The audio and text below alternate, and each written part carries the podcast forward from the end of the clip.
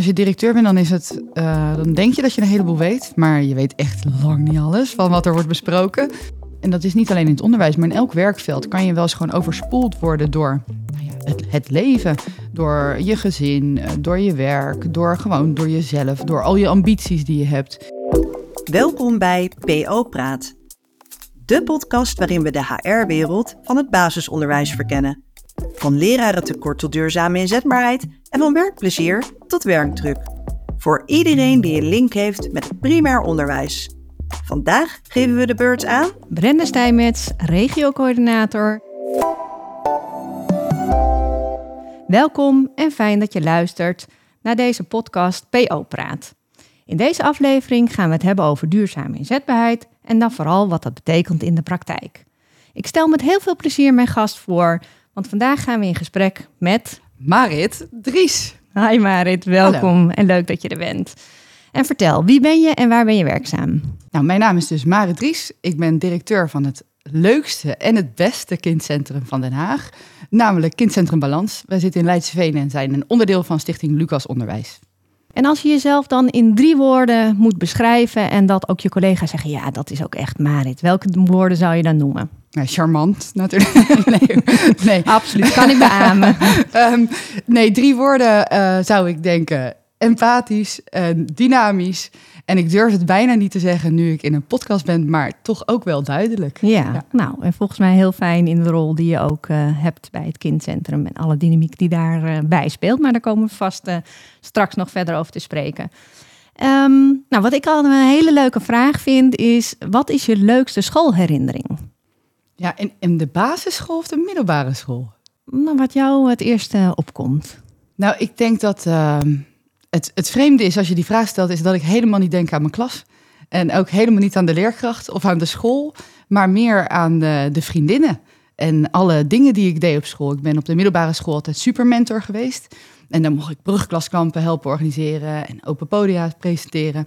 En uh, dat zijn eigenlijk mijn allerleukste schoolherinneringen. Ja, dus de activiteiten die je daar uh, Omheen eigenlijk. Ja, ja precies. Ja. Nou, hartstikke leuk. En ook heel belangrijk dat je ja, dat maakt toch hè, hoe, je, hoe je terugdenkt aan je school. En heeft dat ook invloed gehad op dat je hebt gekozen voor het vak ooit van leerkracht? Want je bent ooit als leerkracht begonnen.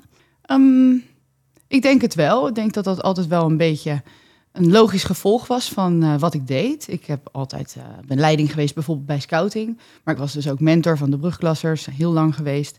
Um, ik vond het heel erg leuk om uh, dingetjes uit te leggen en met groepen mensen te werken. Dus ik denk wel dat het een, een gevolg is geweest. Ja, ja, de basis voor de liefde voor het onderwijs ja, daar is gelegd. Voordat we het gesprek echt gaan beginnen, wil ik drie stellingen aan je voorleggen, waar je met ja en nee op mag antwoorden. De eerste. Autonomie in lesmethoden bevordert de duurzame inzetbaarheid van leerkrachten. Ja of nee? Nee. Nee. Leerkrachten moeten recht hebben op periodieke sabbaticals voor welzijn en vernieuwing? Ja of nee? Ja. Mentorschap moet verplicht zijn om de professionele groei te ondersteunen. Ja of nee? Oh, moeilijk hè? Nee. Nee. Bij de eerste te beginnen, waarom zeg je daar nee? De autonomie. Nou, um, ik ben zelf ook leerkracht geweest en ik vond het heerlijk om uh, lekker eigenlijk een beetje te freewheelen ook mijn eigen klas, mijn eigen uh, didactische route. Um, en dus zou ik eigenlijk denken, ja, dat maakt me gelukkig.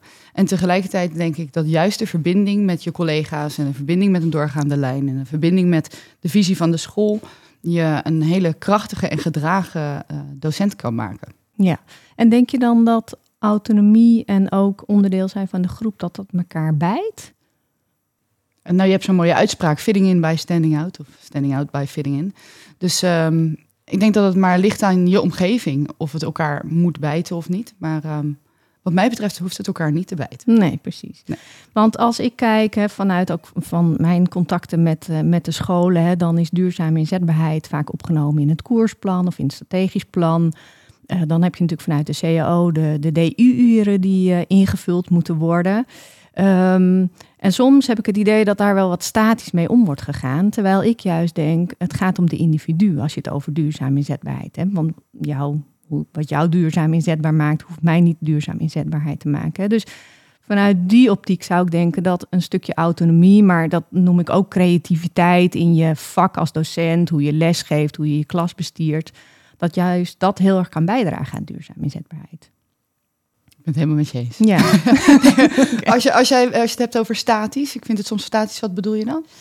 Uh, nou, dat er heel erg wordt gekeken, ja, hoe gaan we nou die 40 uur in, uh, invullen? En dan denk ik, ja, een cursus paarden fluisteren of wat extra vrije dagen maakt niet dat jij heel gelukkig bent in je werk of elke dag met energie voor die klas kan staan. Nee. Um, dus dat, dat bedoel ik een beetje, dat er um, nou, smal wordt gekeken naar hoe je die uren invult. Terwijl het ook kan zijn dat jij naar je leerkracht kijkt en zegt van, joh, volgens mij gaat het niet zo goed met je. Wat heb jij van me nodig? Misschien moet je morgen even een dagje thuis blijven. Ik weet hoe ik opvang moet regelen. En dan hebben we het die dag daarna even over wat er met je is bijvoorbeeld. En, dat, en die ruimte krijgen, dat maakt volgens mij voor de individu uh, wel heel erg dat je voelt dat je nou, de ruimte hebt en daardoor ook uh, je energie terug kan vinden. Ja, daar ben ik het dus ook helemaal mee eens. Ja. Ik denk dat dat uh, absoluut heel erg van belang is om te kijken naar. Um, kijk, je, je hebt natuurlijk een, een duurzaam eh, duurzame inzetbaarheid en dat is wat meer individueel gericht, maar je hebt ook gewoon een duurzame werkcultuur. En die is wat meer organisatiebreed. En zonder de, mm, zeg maar, de duurzame inzetbaarheid die op maat is, heb je ook geen duurzame werkcultuur. Nee. Dus op lange termijn is juist inderdaad uh, de, de hapklare brokken en uh, dit is het kader en daar moet je het mee doen, denk ik niet de oplossing om een uh, gelukkige, gezonde, veerkrachtige medewerker te hebben. Ja, en voel jij de ruimte als directeur om daar je eigen ding in te doen richting de leerkrachten en wat zij van jou nodig hebben? Ja, absoluut. Ja, en, en um, als ik hem niet voel, dan voel ik hem toch eigenlijk. Uh, omdat uiteindelijk denk ik dat ik degene ben die het meeste mijn collega's ziet en spreekt. En uh, uh, er zijn een heleboel regels en wetten uh, gemaakt die ontzettend helpend kunnen zijn in bijvoorbeeld het directeurschap, maar sommige ook niet. En dan is het belangrijk om te kijken, nou, wat is nou precies het idee waarom we deze regel hebben en waarom zouden wij het anders doen? Dus ik voel me altijd vrij genoeg om te kijken naar het individu en om te denken, hm, uh, deze persoon heeft dit nodig of deze persoon heeft dat nodig. En uh, gelukkig zijn mensen ook heel erg goed in staat om dat zelf aan te geven en ook de argumentatie daarbij te, te leveren. Ja, want um, kan je daar een praktijkvoorbeeld van geven? Hoe je dat, uh, zonder iemands naam te noemen natuurlijk, maar hoe, hoe je dat in de praktijk hebt gedaan of hoe je iemand hebt geholpen daarmee? Ja, ik vind als je zegt uh, geholpen, dan voelt het een, bijna een beetje een soort van ego-strelend. En ja, zo, zo voel ik dat zelf niet. Nee. Want ik denk echt dat het een wisselwerking is. Als je een gelukkige leerkracht hebt, dan heb je uiteindelijk ook een gelukkige directeur. Want dan werken ze lekker en uh, zo doe je vice versa altijd iets voor elkaar. Um, wat, waar ik blij mee ben binnen mijn team is dat mensen over het algemeen heel goed kunnen aangeven als ze een bepaalde behoefte hebben. Dus als dat een behoefte is om. Nou, ik heb een collega gehad die heel graag naar een festival wilde. En in principe heb je daar geen vrije dagen voor natuurlijk. Uh, het is ook geen bijzonder verlof. Er is nie, niemand 40-jarig uh, huwelijk. Uh, en het is ook geen training waar de school nou uiteindelijk heel veel beter van wordt. Maar ja, eh, deze collega werd er wel heel gelukkig van. Nou ja, als we het dan met elkaar kunnen oplossen, dan eh, ben ik alleen maar heel blij als ik dat verlof toe kan kennen. Uh, en wat het mooie daarvan is, is dat diezelfde collega ook voor mij klaar staat op momenten dat ik in nood zit of dat een andere collega iets wil doen. En dat is denk ik een fijne tendens. En nou is het wel moeilijk hoor, want uh, uiteindelijk willen we allemaal wel vrije dagen en het is allemaal wel fijn om eens een keer een dagje weg te gaan. Dus het is altijd een beetje de zoektocht naar waar kan ik het verantwoorden? Waar is het eerlijk naar de rest, maar waar is het ook goed voor de persoon zelf? Wat maakt nou dat diegene dat vraagt aan mij? Um, en, en hoe is de verhouding en hoe is de werkhouding en hoe is sowieso de veerkracht van diegene? En ik denk al die dingen samengenomen uh, kan je wel eens een uitstapje maken. Ja, dus jij hebt het gevoel dat er in jouw team voldoende transparantie en vrijheid is om dit ook open met elkaar te bespreken, waardoor iedereen begrijpt, nou, op dit moment mag die uh, naar dat festival en op een ander moment mag ik ook wel wat ik nodig heb. Dat dat... Ik, ik hoop het wel. Ik ja. hoop wel. Het is, het is altijd als je directeur bent, dan is het, uh, dan denk je dat je een heleboel weet, maar je weet echt lang niet alles van nee. wat er wordt besproken. Nee. Ik hoop dat er een uh, transparante sfeer is, waardoor als mensen er een probleem mee ervaren of zelf die behoefte hebben, dat ze dat komen zeggen. Um, maar vooralsnog denk ik dat mensen zich wel redelijk um, vrij voelen om dit aan te geven. En nodig je mensen daar ook expliciet voor uit om dat eh, dan te uiten? Of, of check je dat wel met mensen? Of is dat meer een gevoel wat je hebt? Mm, nou, wij, wij bespreken wel dingen met elkaar. Het is niet zo dat ik heel groepsbreed ga zeggen... nou, uh, Martine gaat uh, van de week een hele dag uh, de hoort op... omdat ze, nou ja, omdat ze naar een festival wil. Ik noem maar eventjes wat. Um, maar over het algemeen zorg ik wel of ik vraag aan de collega zelf van zeg het wel tegen de collega's waar jij naast mee werkt en leg het daaraan uit. Dus het is niet zo dat ik heel breed uitgemeten dingen vertel. Dat hangt ook weer een beetje samen met dat er soms ook verlofaanvragen zijn die gewoon AVG-technisch niet gedeeld kunnen worden. Dus het is een beetje, um, ja, het is een beetje, het, hoe noem je dat ook weer? Vingerspietje gevoel? Ja, en ik heb, zoals je het vertelt, lijkt of het wel op een hele natuurlijke manier gaat. Dat het eigenlijk wel zichzelf ja. zijn weg vindt en nou, ik denk ook als collega's dat gevoel hebben, dat die cultuur zeg maar er is van, van die transparantie en veiligheid, dat je soms ook gewoon weet van joh, ik kan niet alles weten, want inderdaad AVG technisch werkt dat soms niet. Ja, en, en, ik, en ik ben er om te bewaken dat het voor iedereen wel haalbaar blijft. Hè. Dus als we, als we midden in een uh, enorme griepgolf zitten, ja, dan is het echt helemaal jammer met je ticket voor je festival. Dat gaat gewoon niet, gaat hem niet worden, nee, weet je wel. Dan nee. kan ik mijn collega's niet aandoen. Dus nee. het is wel uh, binnen de kaders en, uh, en de redelijkheid. Maar ik denk ook als de sfeer goed is, dan vraagt iemand op zo'n moment ook wellicht niet om die nee, absoluut. Niet. Hè? Nee, dus nee, precies, dat is die nee, wisselwerking. En, en, en ik behoud me ook altijd wel het recht om het weer uh, terug te draaien. Ja. ja, maar goed, daar heb je dan goede argumenten Ja. voor, neem ik aan. Ja. En dat wordt ook begrepen. Ja, het is Ja. niet een spelletje van willekeur. Nee precies. Even naar de tweede stelling. Ik zal hem nog even voor je herhalen, want dat is misschien wel handig. Uh, leerkrachten moeten recht hebben op periodieke sabbaticals voor welzijn en vernieuwing. En volgens mij zei je daar volmondig ja op. Ja. ja, ik denk dat het zo ontzettend belangrijk is om af en toe stil te staan uh, en eens te reflecteren. En een sabbatical kan je zoveel nieuwe inzichten geven. Soms uh, kan, en dat is niet alleen in het onderwijs, maar in elk werkveld, kan je wel eens gewoon overspoeld worden door nou ja, het, het, leven. Door je gezin, uh, door je werk, door gewoon door jezelf, door al je ambities die je hebt. We leven in een, in een tijd waarin je ontzettend veel kan doen en kan ondernemen en alles is maakbaar. En, en dan soms denk je wel eens, ja jeetje, zit ik hier nog wel op mijn plek? Uh, is dit goed voor mij? En ik denk dat er geen betere keuze kan zijn dan uh, eventjes op dat moment een pas op de plaats te doen en goed te luisteren en goed te reflecteren op wat je fijn vindt. Ja. Ja, en uh, heb je dat in de praktijk ook al uh, aan, uh, aan de hand gehad? Een sabbatical? Ja. Uh, nee, nou, ik heb wel mensen ge, gehad die bijvoorbeeld een wereldreis wilden maken. Uh, of een paar maanden een wereldreis wilden maken. Dus ja, dat zou je ook natuurlijk wel een sabbatical kunnen noemen. Um, bij sabbatical heb ik dan vaak zo'n idee dat je in stilte voor je uitstaart. Dat is, dat is natuurlijk ook niet helemaal. Maar uh, ja, een wereldreis is zeker voorgekomen. Ja, ja. aan het keer. En um, uh, hoe zie je dat dan ook in deze tijd? Dat met met uh, het leraartekort, de verandering op de arbeidsmarkt. Je, je noemde net alles wat er in een leven gaande is. Maar de, nou ja, de wereld gaat ook verschrikkelijk snel. Er zijn heel veel veranderingen. Uh, negativiteit over van alles en nog wat in het nieuws, hè, oorlogen. En um, dat speelt volgens mij ook allemaal een rol. Hoe doe je dat in het kader ook van het leraartekort? Want ik kan me ook voorstellen dat als iemand dat wil, dat je dat iemand gunt. Uh, maar dat je dan uh, ja, ook personeel technisch niet allemaal zo kan regelen. Nee, nou ja, dat, dat is ook wel echt oprecht ingewikkeld. En tegelijkertijd, als ik iemand zo'n kans ontneem, um, dan kan je afvragen hoe gelukkig iemand nog bij je aan het werk is. En uh, als ik dan nu zeg, nee, weet je, die drie maanden, vier maanden, helaas, uh, dat kan ik niet voor je, dat kan ik, niet, kan ik niks voor je betekenen. Uh, dan kan het zijn dat zo iemand, en vooral nu elke leerkracht overal kan werken, ook kan zeggen, nou, weet je, dan is dit misschien toch niet de plek voor mij. Of ik word hartstikke ongelukkig, ik zit hier weg te kwijnen, dit is mijn droom. Um, dus het is een risico, want ja, je moet het ook wel weer opvangen met elkaar als organisatie. En tegelijkertijd vind ik het risico groter als ik iemand aan het werk laat, alleen maar puur voor die paar maanden, uh, omdat ik bang ben dat ik anders niet uitkom met de mensen. Ja. En, en heb jij een groot personeelsprobleem uh, bij jou op je school? Ik, ik, durf, ik durf, als je een podcast, podcast opneemt, dan mag je niet tikken, heb ik gehoord. Maar ik wil het eigenlijk aftikken, want nee, ik heb geen, uh, absoluut geen personeelstekort. Nee. nee. Nee. En heb je dan het idee dat, dat de, de houding die je hier vertelt, hè, van nou, open, transparant, inderdaad mensen toch de kans geven, ondanks dat jij misschien als directeur denkt, ja, hoe ga ik dat dan oplossen? Dat dat daaraan bijdraagt, die, die houding en die cultuur die je dan creëert in je school? Nou, het, ehm, oh, het, zou- het zou wel eh, te veel credit zijn om dat bij mezelf te leggen. Want zo lang ben ik nog helemaal niet directeur. We hebben heel lang een- dezelfde directeur gehad eh, binnen ons kindcentrum.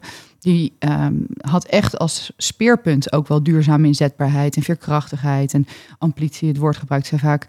Ehm, en zij heeft daarmee een team neergezet die ook echt wel deze eh, ja, waardes als moreel kompas zeg maar, eh, uitdragen en elkaar weten te vinden. Dus voor mij is dat eigenlijk alleen maar eh, verder meewerken en eh, proberen dat eh, zo goed mogelijk te structureren en in kaart te houden. En goed, goed met elkaar in gesprek te blijven. Ja. Dus het is echt wel, het zit wel in de cultuur van Het zit die school die de jij verder uitdraagt. Ja, ja, zeker weten. moment. Ja. ja. Dat doet het team ook echt zelf. Ja. Nou ja, ik denk ook dat je met elkaar maak je dat. Hè? Je kan het niet alleen, de leerkracht kan het niet alleen. Je moet echt, nou ja, wat ik zeg, die cultuur en die, dat, die houding en gedrag hebben om dat eh, met elkaar te gaan dragen. Ja. En ook wellicht dan een keer iemand erop kunnen aanspreken op het moment dat het eh, even anders loopt. Ja, en het vertrouwen ook. Je hebt ook het vertrouwen nodig in elkaar. Eh, dat je het beste met elkaar voor hebt. Dat het wel goed komt. Dat iemand niet de kantjes ervan afloopt. En dat degene hè, die weg is ook eh, nuttige dingen aan het doen is. En, eh, maar daar moet je ook in investeren, in dat gesprek. Ja, ja. Nou ja, dat is het inderdaad eh, Ja. wel heel goed. Je moet investeren in mensen. Mensen moeten investeren aan jou. En, eh, Ja. En je moet het elkaar gunnen om eerlijk te zijn. En soms ook op een pijnlijke manier. Oké, dan gaan we naar de laatste stelling. Mentorschap moet verplicht zijn om de professionele groei te ondersteunen. Daar had je een beetje twijfel. Kun je dat toelichten? Ja, nou ja. ehm, ik denk dat eh, ehm, als we het over gunnen hebben, daar, daar, sluit ik mijn vorige stelling mee af. Ik gun een startende leerkracht zo heel erg dat ze lekker kunnen aarden en dat ze goed kunnen werken. Want er komt zo ontzettend veel op je af. Eh, want je moet niet alleen kunstig zijn in een didactische werkvorm en in een pe- pedagogisch klimaat, maar ook in oudergesprekken en in je administratie. Het is geen sinecure. Ehm, dus ik, ik gun leerkrachten echt een, een lekker fundament om mee te beginnen. En eh, wat extra mentorschap. Tegelijkertijd denk ik dat je zonder intrinsieke motivatie eh, niet heel erg ver gaat komen. Als ik een mentor opdring aan een startende leerkracht en die zit eigenlijk al helemaal tot de nok toe, vol met allerlei andere dingen en die gaat veel liever naar zijn of haar collega toe, eh, dan heb ik dat liever dan dat ik eh, een mentor belast en de leerkracht eigenlijk extra belast met eh, het verplichte men- mentorschap. Ja. En dan heb je het misschien uiteindelijk ook over de definitie van hè, een mentor die echt de functie mentor heeft. Eh, maar als een startende leerkracht kiest voor een collega waar die heel goed terecht kan, dan is dat ook een vorm van mentorschap. Absoluut. Eigenlijk, hè? Ja. En ik denk, nou ja, waar we het al eerder over hadden in het gesprek, dat wat de leerkracht nodig heeft, dat helpt. En inderdaad, het opleggen helpt dan niet. Nee. Maar het, het aanbieden is denk ik wel heel belangrijk. Want wij zien ook wel in ons vak dat nou, startende leerkracht, eh, die komt van school, of nee, je ziet het bij de zijinstromers eigenlijk nog meer. Hè. Dat zijn al, eh, al mensen die jarenlange werkervaring hebben. En die zijn dan leerkracht. En die denken ook dat ze alles gelijk moeten kunnen. Ja. Eh, en daar hadden we het in het voorgesprek een beetje over. Hè, dat een leerkracht de leerlingen heel erg de ruimte geeft om te ontwikkelen, om te leren, om te vallen en op te staan. En dat de leerkrachten vaak best wel streng zijn voor zichzelf.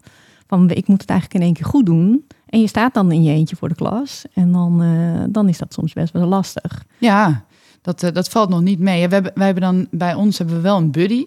Dus wij- om even in te haken op jouw hè, vormen van mentorschap. En een buddy is echt wel zeg maar, een maatje binnen de school waarin je de hele praktische vragen kunt stellen. Ehm, en je merkt ook wel dat dat vaak ook wel wat meer gesprekken worden over hoe het gaat. Eh, maar inderdaad, dat stukje perfectionisme, eh, gaat alles wel goed? Ik moet alles in dit eerste jaar kunnen. eh, en, en ook nog eens heel erg goed. Dat is wel, ehm, ja, dat zie, je, dat zie je veel bij startende leerkrachten. Eh, tegelijkertijd is dat ja, misschien ook wel een beetje onderwijs eigen. Van, ja, we hebben natuurlijk te maken, eh, ik niet, maar de leerkracht heeft te maken met 30 kinderen in de klas. En, en als je fulltime werkt, dan stop je daar je ziel en je zaligheid in elke dag. En je geeft om die kinderen en je wil dat het goed gaat en je wil iets afleveren. En je wil ook eigenlijk dat die, die ouders eh, lekker met jou eh, op één lijn zitten, zodat je goed en constructief kan werken, zodat dat kind helemaal schitterend en stralend en gelukkig naar een volgend jaar gaat. Ehm, dus dat is ook nogal een verantwoordelijkheid. En dat ja, als, je, als je daar een beetje de kantjes mee afloopt, of of als je denkt, nou, ach ja, hè, dat past er ook niet zo bij eigenlijk. Dus uh, het is heel logisch dat die druk komt om te denken, ik moet dit goed kunnen. Want als ik dit vandaag niet heb geregeld, ja, dan zit dat kind morgen in de ellende. Ja. Ja, ik denk dat dat echt een mooie eigenschap is van leerkrachten. Ze zijn heel loyaal naar de kinderen en vaak ook heel loyaal naar de school en de ouders. Ja. Um, maar misschien wel goed om te beseffen dat je ook mag leren en ook mag ja. uh, proberen en vooral ook hulp vragen. Zeker weten. Dat dat uh, heel mooi is. Ja, en ik denk ook een beetje Um, wat ik een van de makkelijkste dingen vind uh, nu ik directeur ben, is de oudergesprekken. Um, omdat ik veel meer emotionele afstand heb tot de ouder. En een leerkracht zit echt heel erg in dat proces natuurlijk. Dus dan moet je na je lesdag moet je ook nog eigenlijk zeggen, of soms wel horen, uh, ik heb niet zoveel vertrouwen in jou als leerkracht. Dus uh, ja, dat vraagt wat. Ja. ja. En ik gun ze inderdaad ook daar de begeleiding in. Ja, en maar hoe doe je dat als directeur? Ben je dan wel eens bij die gesprekken? Of, uh... Waar nodig. Dus ja. ik, ik dring mezelf uh, niet vaak op. Bij gesprekken op andere momenten drink ik me heel graag op. nee, um, ik, ik dring mezelf niet eigenlijk uit, uit mezelf op. Um, eerste is de leerkracht, echt de professional. Ik weet, die weet alles van het kind, uh, veel meer dan dat ik weet. Dan uh, in een uiterste geval of in een ander geval komt een intern begeleider erbij. Dus dat is iemand die de zorg uh, natuurlijk begeleidt. die heeft vanuit daar weer heel veel expertise. En als het een, een stukje is wat meer gaat over proces of over regels of afspraken of zorgen vanuit ouders, dan kom ik er wel bij. Maar ook in multidisciplinaire overleggen zit ik er ook bij. Ja. En soms denk ik zelf, nou, ho, ho even. Uh, en dan kom ik er wel bij. Ja, ja. ja dan ben je de backup uh, die de leerkracht ondersteunt ja. uh, op dat moment. Ja. ja. Oké, okay. nou we zijn aan het einde gekomen van deze aflevering. is er nog een tip die je mee wil geven aan de luisteraars? Waar je denkt van ja, weet je, dit is echt iets wat, wat gaat bijdragen aan duurzame inzetbaarheid binnen je school. Ik denk dat, um, ik, heb, ik zei het vorig, vorig schooljaar tegen mijn team, dat het eigenlijk niet zo hè, als je kijkt naar je hersenen, dan gaat het niet om de aantal actieve hersencellen die je hebt, maar uh, het aantal actieve verbindingen daartussen. En pas dan functioneert je brein optimaal. En ik denk dat het, uh, ik hoop en ik zou als tip willen geven om uh, teams en elkaar eens te zien als de verbinding tussen de actieve hersencellen, om zo de boel optimaal te maken. Dus, ja, nou heel mooi om hiermee af te sluiten. Ik denk dat verbinding en aandacht wel twee woorden zijn die uh, heel erg bijdragen aan een plezierige werkomgeving en, uh, en aan inzetbaarheid, zeker. Nou, um, mochten de luisteraars denken, ik wil hier eens over meepraten, um, uh, of doorpraten met mijn regioteam. op de site van VFPF kunnen jullie vinden wie je contactpersoon zijn, mochten jullie die nog niet kennen. Maar ik denk dat de meesten wel bekend zijn met de regioteams van het Vervangingsparticipatiefonds. Uh, Marit, heel erg bedankt voor je bijdrage en je openheid. Bedankt dat ik hier mocht zijn. Ja, heel graag uh, gedaan. En uh, nou, tot de volgende keer. Tot de volgende keer. Je hebt geluisterd naar PO Praat, een podcast van VFBF. Volg ons via jouw favoriet podcastkanaal.